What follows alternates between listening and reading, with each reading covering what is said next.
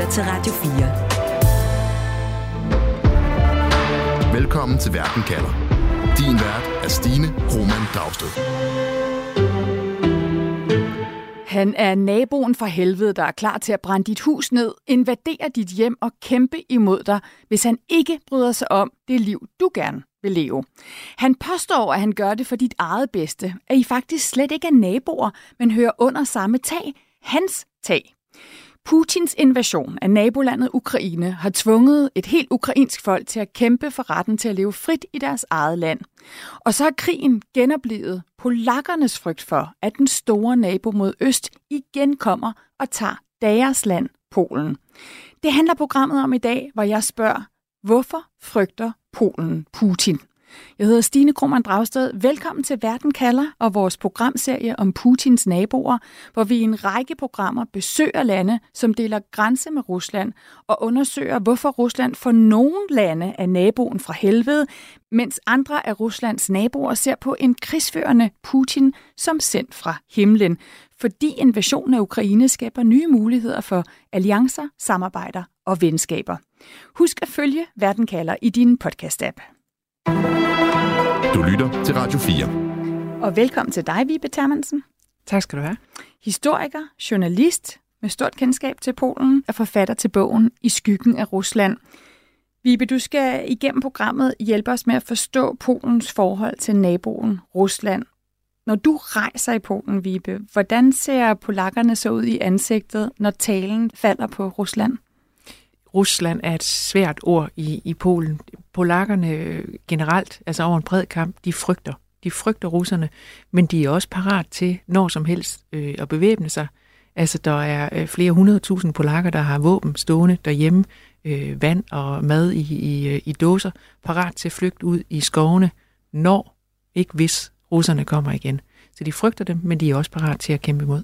Vibe, nu kalder jeg Polen for nabo til Rusland, men hvis vi kigger på et kort, så kan jeg jo se, at Polen deler lange grænser med både Ukraine og med Belarus, lande, der begge grænser op til Rusland. Men det kan være svært at se, hvor Polen og, og Rusland deler grænse.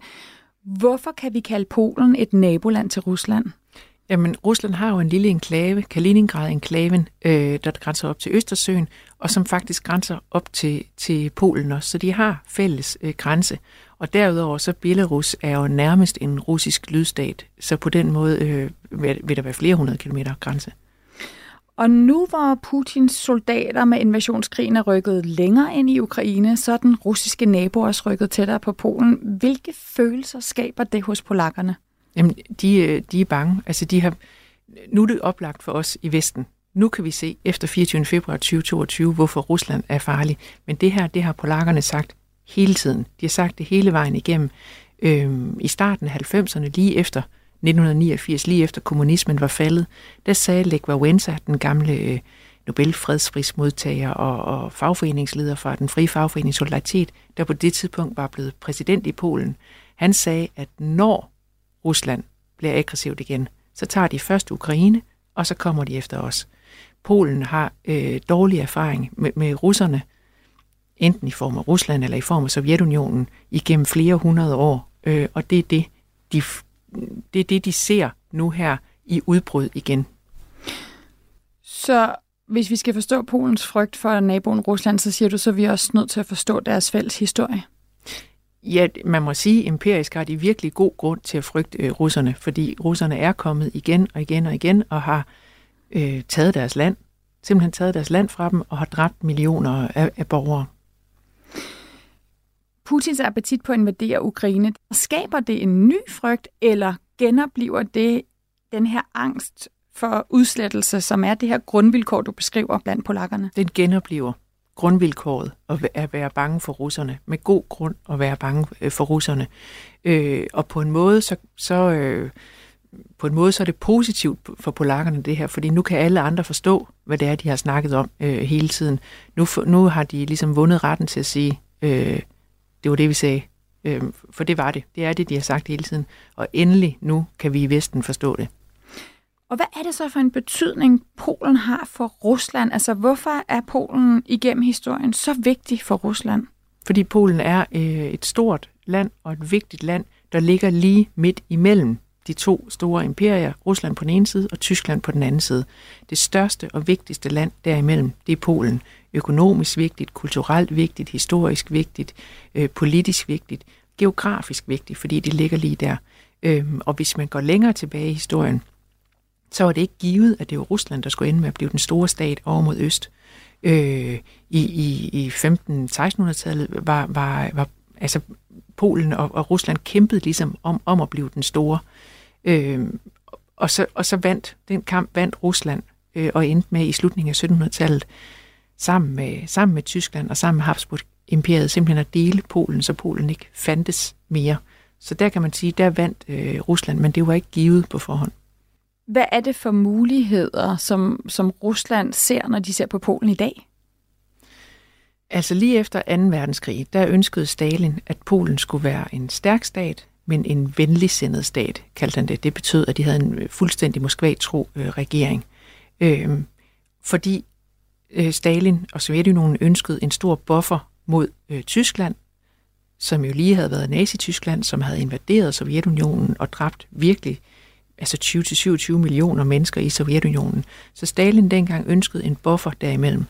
Det er også det, de ønsker i dag. De ønsker øh, et, et, et stærkt Polen, men som en buffer mod, mod resten af, af Vesten, som man i Rusland ser som, som dekadent og forkert på alle måder, og i hvert fald anderledes, noget andet end Rusland.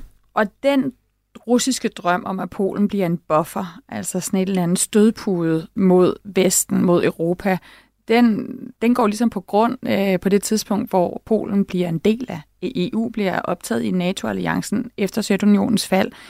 Hvad har det betydet for Polen og Ruslands forhold? Altså det var altafgørende for, for Polen efter kommunismens fald øhm, der i 1989, og det begyndte i øvrigt i, i, i Polen. Det var der, man havde de første delvis frie valg. Efter kommunismens fald, fordi så skete det jo så også i Sovjetunionen i 91, så, så troede øh, øh, du ved, øh, slutningen på afslutningen, historiens afslutning, end of history og alt det der, så troede, der var nogen, der troede, at nu er det slut. Nu er den kolde krig slut, nu er det slut ideologiernes kamp op igennem det 20. århundrede. Nu vil vi alle sammen det samme. Men polakkerne vidste hele vejen igennem, det vil vi ikke. Altså, vi vil, vi vil ikke... Øh, Varsjava-pakten blev nedlagt, så var, de, så var de slet ikke nogen, i nogen forsvarsalliance, men de viste hele vejen igennem, de vil med i NATO. De, de vil have beskyttelse øh, mod Rusland. De stolede ikke på Rusland. Heller ikke der igennem 90'erne, hvor Jeltsin sad ved roret, øh, og, og, og den officielle russiske politik var, at nu skulle det være et, et demokratisk øh, land. Der skete også nogle ting internt i Rusland i, i 90'erne. Der var en Tjetjenienkrig, og øh, Jeltsin indsendte også lige øh, kampvogne mod sit eget parlament i 1993, da der var ballade der. Det, det bekræftede polakkerne og de andre lande i, øh, i Centraleuropa i det, de havde ment hele tiden, at Rusland øh, var farlig, og at det var nødvendigt at være med i en forsvarsalliance uden Rusland, altså rettet mod Rusland, som beskyttelse mod Rusland. Og Vibe, hvorfor har den beskyttelse, den sikkerhed, det er at være et EU-land, når man er Polen, og være medlem af NATO, hvorfor har det ikke dæmpet Polens frygt for den her russiske nabo? At, og det aller, aller vigtigste for Polen, det er at være medlem af NATO. Øh, og, og Polen orienterer sig meget mod, øh, altså EU, det er udmærket, men de orienterer sig virkelig mod USA, og den beskyttelse, altså den sikkerhed, USA kan, kan tilbyde dem gennem, gennem NATO. Øh, men de er hele tiden nervøse for, polakkerne for, om det nu er nok. Om NATO nu er klar til at risikere en tredje verdenskrig for, for en polsk by. Øhm, det var, det var det, man talte om øh, under 2. verdenskrig. Er der nogen, der vil risikere en, en, en ny verdenskrig, altså en anden verdenskrig, på grund af Danzig, øh, der i dag er den øh, polske by Gdańsk, og det er det, de er nervøse for nu. Mener de det i virkeligheden? Fordi polakkernes to kæmpe store, meget, meget vigtige historiske erfaringer, det er for det første, at deres naboer, Rusland og Tyskland, og Habsburg-imperiet, som så er lidt ude af spil nu, men i hvert fald Rusland og Tyskland igen og igen kommer og tager deres land og invaderer dem. Altså de, Polen er en ø øh, i et hav af fjender. Det er den ene meget, meget vigtige øh, historiske erfaring. Den anden, det er, at Vesten, de vestlige allierede, som har lovet at hjælpe dem, lovet at støtte dem, forråder dem. Og det er også sket igen og igen. Senest ved, ved Jalta-aftalen, der sluttede øh, 2. verdenskrig, hvor øh, Polen, der havde kæmpet som en del af de allierede under hele krigen. Polen, øh, som havde mistet en femtedel af sine borgere, altså var blevet dræbt under krigen. Det var i Polen meget af krigen foregik. Det var der nazisternes dødslejre lå. Alligevel blev Polen efterladt på den anden side af, af jerntæppet. Så du spurgte mig i starten om, hvordan polakkerne ser ud, hvis man siger Rusland. Øh, det, det, er ikke, det, det er ikke et venligt ord at sige til en polak, men Jalta, at sige Jalta, det er også et, et, et frygteligt ord for en polak, øh, for det er sådan symbolet på, hvordan de blev svigtet af, af Vesten. Så nu hvor Putin har bekendt kulør igen, er gået ind i Ukraine, hans imperiedrømme er tydelige for, for alle, bliver det så en test? Bliver hvordan vi andre forholder os til Ukraine, om vi faktisk hjælper Ukraine eller vender dem ryggen? Bliver det en test for Polen også i, hvor de står henne? Ja, det, ja, det gør det i, i, i høj grad. Og Polen gør, Øh, den polske regering og den polske befolkning og, og, og alle polakker gør alt, alt, hvad de kan for at få, øh, få de vestlige institutioner, få EU og få NATO og få alle til at hjælpe Ukraine alt, hvad de kan. Men når det så er sagt, så er der jo den afgørende forskel, at Ukraine ikke er i NATO, og Ukraine ikke er i EU. Det er, det er Polen. Øhm, så, så det er jo, det ville jo være noget andet, hvis der faldt øh, missiler ned i Polen. Det var det, vi var vidne til for, for et år siden, hvor der lige pludselig havnede et missil, ikke? og alle var, øh, alle var i alarmberedskab. Hvad sker der nu? Er det tredje? Fordi det var altså det er NATO-jord, når det lander i, i Polen. Så der er den afgørende forskel, men det er meget, meget vigtigt for Polen. Det er sådan en, det er en kanariefugl, ikke? Øh, Ukraine. Hvis, hvis Vesten ikke vil hjælpe Ukraine, kan vi så være sikre på, at det vil hjælpe os, hvis det sker? Eller når det sker, som de tænker. Lad os høre, hvordan to forskellige generationer af polakker sætter ord på den her frygt for den store nabo mod øst.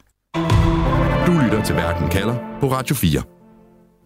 For nu skal vi møde Marek Klaber, som er dansk polakker og direktør i rejsebureauet Polen Go. Ja, det er Mark. Hej Mike, det er Nana. Kan du høre mig nu? Det kan jeg i hvert fald. Nå, det var godt. Og det er min kollega Nana Tilly Guldborg, der har talt Marek. Lang tid før, at øh, Polen kom med i både NATO og EU, så kommer Marek til Danmark fra Polen i 1974. Han er ung studerende, og han har deltaget i et polsk studenteroprør imod det kommunistiske styre i Polen. Og konsekvensen er, at Marek han må vælge, om han vil i militæret i et kommunistisk Polen, eller om han vil flygte ud af sit eget land. Den daværende regerings statspolitik var jo, at de der studenterbevægelser var jo øh, lavet på baggrund af udlandet, at det er udlandet, der inspirerer os studenter til at oprøre med systemet. Så de ville simpelthen af med, med alle de besværlige personer. Marek vælger at flygte, og derfor endte han i Danmark. Og i dag er Marek 72 år, og han kan stadig huske, hvor meget Rusland fyldte i Polen, da han var barn og ung. Det fyldte så meget, at det kan være svært at finde ud af, hvor man skal starte. Øh, jeg læste din besked øh, forleden dag jo, ikke også? Og det er jo svært jo øh, emne, du har så selvfølgelig valgt, valgt på den måde. Der er så mange forskellige vinkler til det jo, ikke også? Jeg vil prøve at besvare dine spørgsmål i, på, på en måde, så, så det er forståeligt i hvert fald. Ja, for selvom Marik har mange flere historier, end vi kan nå her i programmet, så handler mange af dem i bund og grund om det ulige magtforhold, der altid har været mellem Polen og Rusland, og om den frygt og det had, deres fælles historie har sat af aftryk i Polen. Allerede fra den, jeg tror nok, det var 4. og 5. klasse, det kan jeg ikke lige huske 100 procent, øh, var man punge af russisk. Og Rusland var altid betragtet som en storebror. Det vil sige, men storebror, som bestemte alt. Altså alt, hvad der foregik jo øh, i skolen. Øh, magten ligesom øh, tilhører øh, den russiske lærer, selvom det var ikke direktør eller sådan noget, men det er ligesom de russiske lærer, som vi skulle lære sproget af, dikterede jo øh, diktere, hvad man skal lære. Og jeg, jeg kan huske, øhm, Mike, at du fortalte, altså lige i forhold til det der med, du, kalder, du siger storebror, ikke? der kan jeg også huske, du fortalte, at der var sådan en, en vending, man sagde. Ja, altså, men, men, øh, men det var sådan en, øh, en lille joke, som man sagde, øh, som, man, som man fortalte dengang. Joken øh, gik ud på, at når en polak og en russer mødes, så delte man men tænk, men russerne sag, sagde altid, jo, jeg tager den største del, og du tager resten. Det var en joke, men som var slet ikke en joke, fordi det var i virkeligheden sådan jo. Altså havde, som man havde til, til det officielle Rusland, det stamte jo fra historiens tiderne jo, ikke? Kan du huske det der had, eller om der var en frygt eller noget? Ja, altså, øh, jeg, jeg, vil sige, øh, jeg vil sige på den måde, hvis man øh, drillede hinanden øh, som, øh, som børn, og, og vil virkelig, virkelig være ondt ved hinanden, så gældte man vedkommende for russer. Det fortalte Marek Klaber, altså dansk polak og medstifter og direktør af rejsebyrået Polen Go, som min kollega Nana Tilly Guldborg har talt med. Rusland er altså noget, der fylder meget i Mareks barndom i tiden efter 2. verdenskrig, og den russiske nabo fylder stadig meget i Polen i dag. Det fortæller 33-årige Kamil fra byen Przemyszew, som ligger i Polen kun 10 km fra grænsen til Ukraine. Przemyszew er en rolig by, der ligger i en bjergdal, men Kamil og de andre ca. 60.000 mennesker, der bor i grænsebyen, mærker tydeligt Ruslands krig i Ukraine, fortæller Kamil. You can see increased military vigilance uh, and trainings, for example, uh, on the shooting range and, and then transfer of, of equipment. There is a little bit of uh, um, fear, I would say.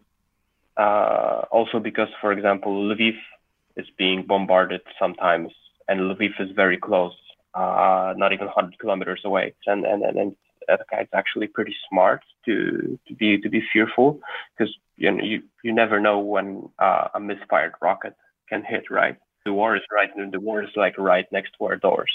Ja, du ved aldrig, hvornår en vildfaren raket kan ramme dig, for krigen er lige uden for vores dør, fortæller Camille. Og han fortæller også, at deres eget polske militær er blevet meget mere synlig i grænsebyen. Også i det daglige liv har Ruslands krig i Ukraine sat sin spor i den polske grænseby, hvor der nogle gange er mangel på varer i butikkerne. Sometimes there, there, there is lack of products on the shelf. The most important products like, like sugar or, or some meats, for example, uh, lack of cash in ATMs sometimes, especially in the beginning. Det kan være sukker, det kan være kød i supermarkederne, eller kontanter, der mangler i byens hæveautomater. Det er oplevelser, der aktiverer det stærke had til Rusland, som ligger begravet i mange polakker, siger Kamil. Russia as a country has always been sort of a, a taboo topic, you know, the communism era and, and the, all the instruments of, of the Soviet Union A lot of people remember that, and a lot of people have certain hatreds implanted in them because of the, the past. Det fortæller altså den 33-årige Kamil fra den polske grænseby Przemyszew, som vi har talt med. Og redaktionen her kender hans efternavn, men det vil han helst ikke have med i radioen. Frygt og had er altså ord, der går igen, så lad os undersøge, om det også vil være definerende for det fremtidige naboskab. Radio 4. Ikke så forudsigeligt.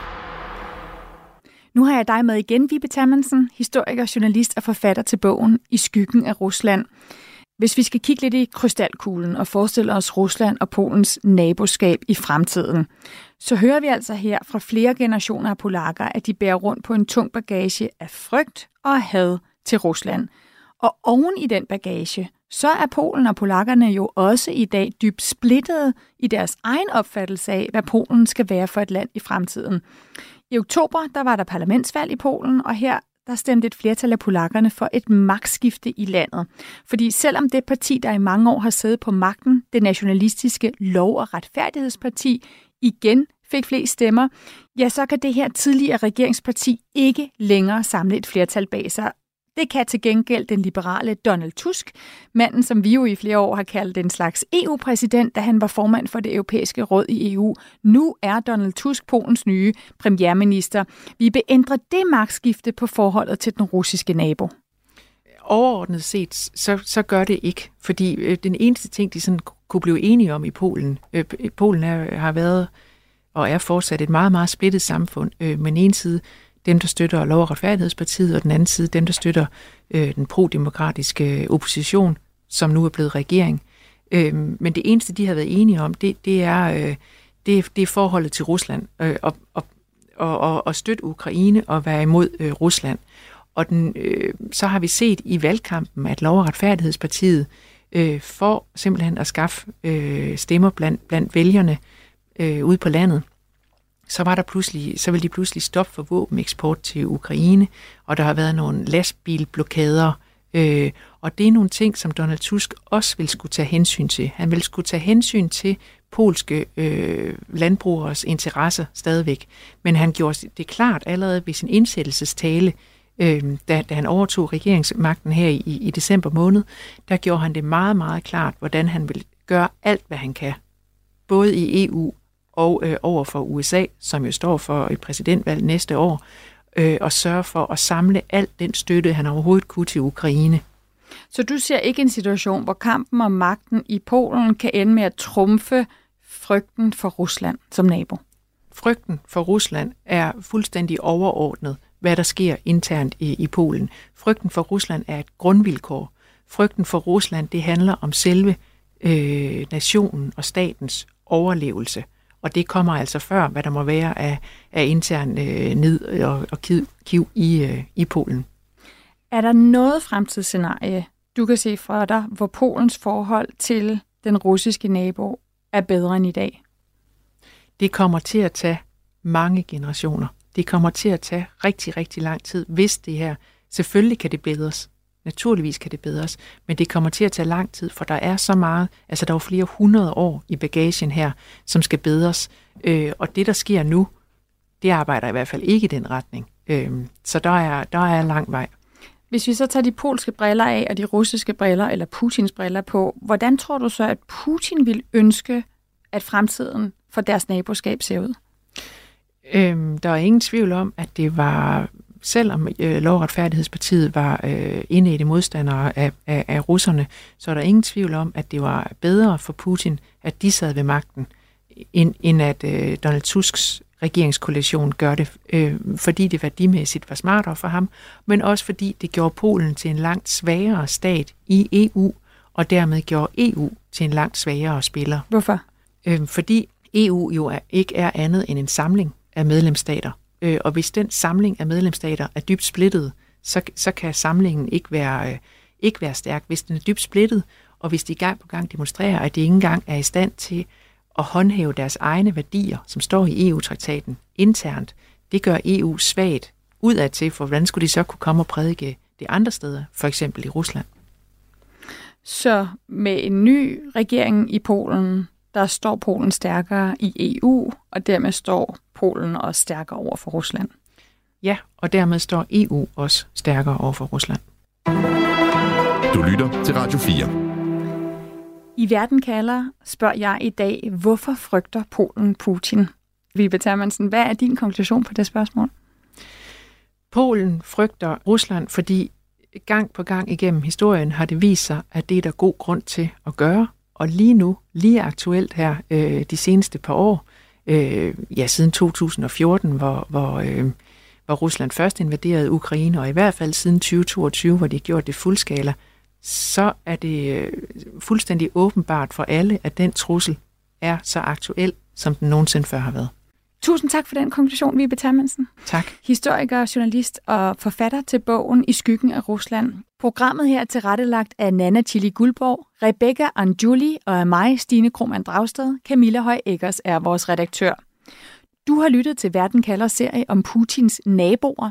I næste afsnit skal vi til naboen Norge, og et ellers fredeligt naboskab, men hvor Putins krig i Ukraine har skabt bølgegang i Arktis. Husk, at du altid kan lytte til Verden kalder som podcast, og når du har fundet Verden kalder podcasten, så tryk følg, så får du leveret de seneste episoder lige til dig. Du har lyttet til en podcast fra Radio 4. Find flere episoder i vores app, eller der, hvor du lytter til podcast. Radio 4. Ikke så forudsigeligt.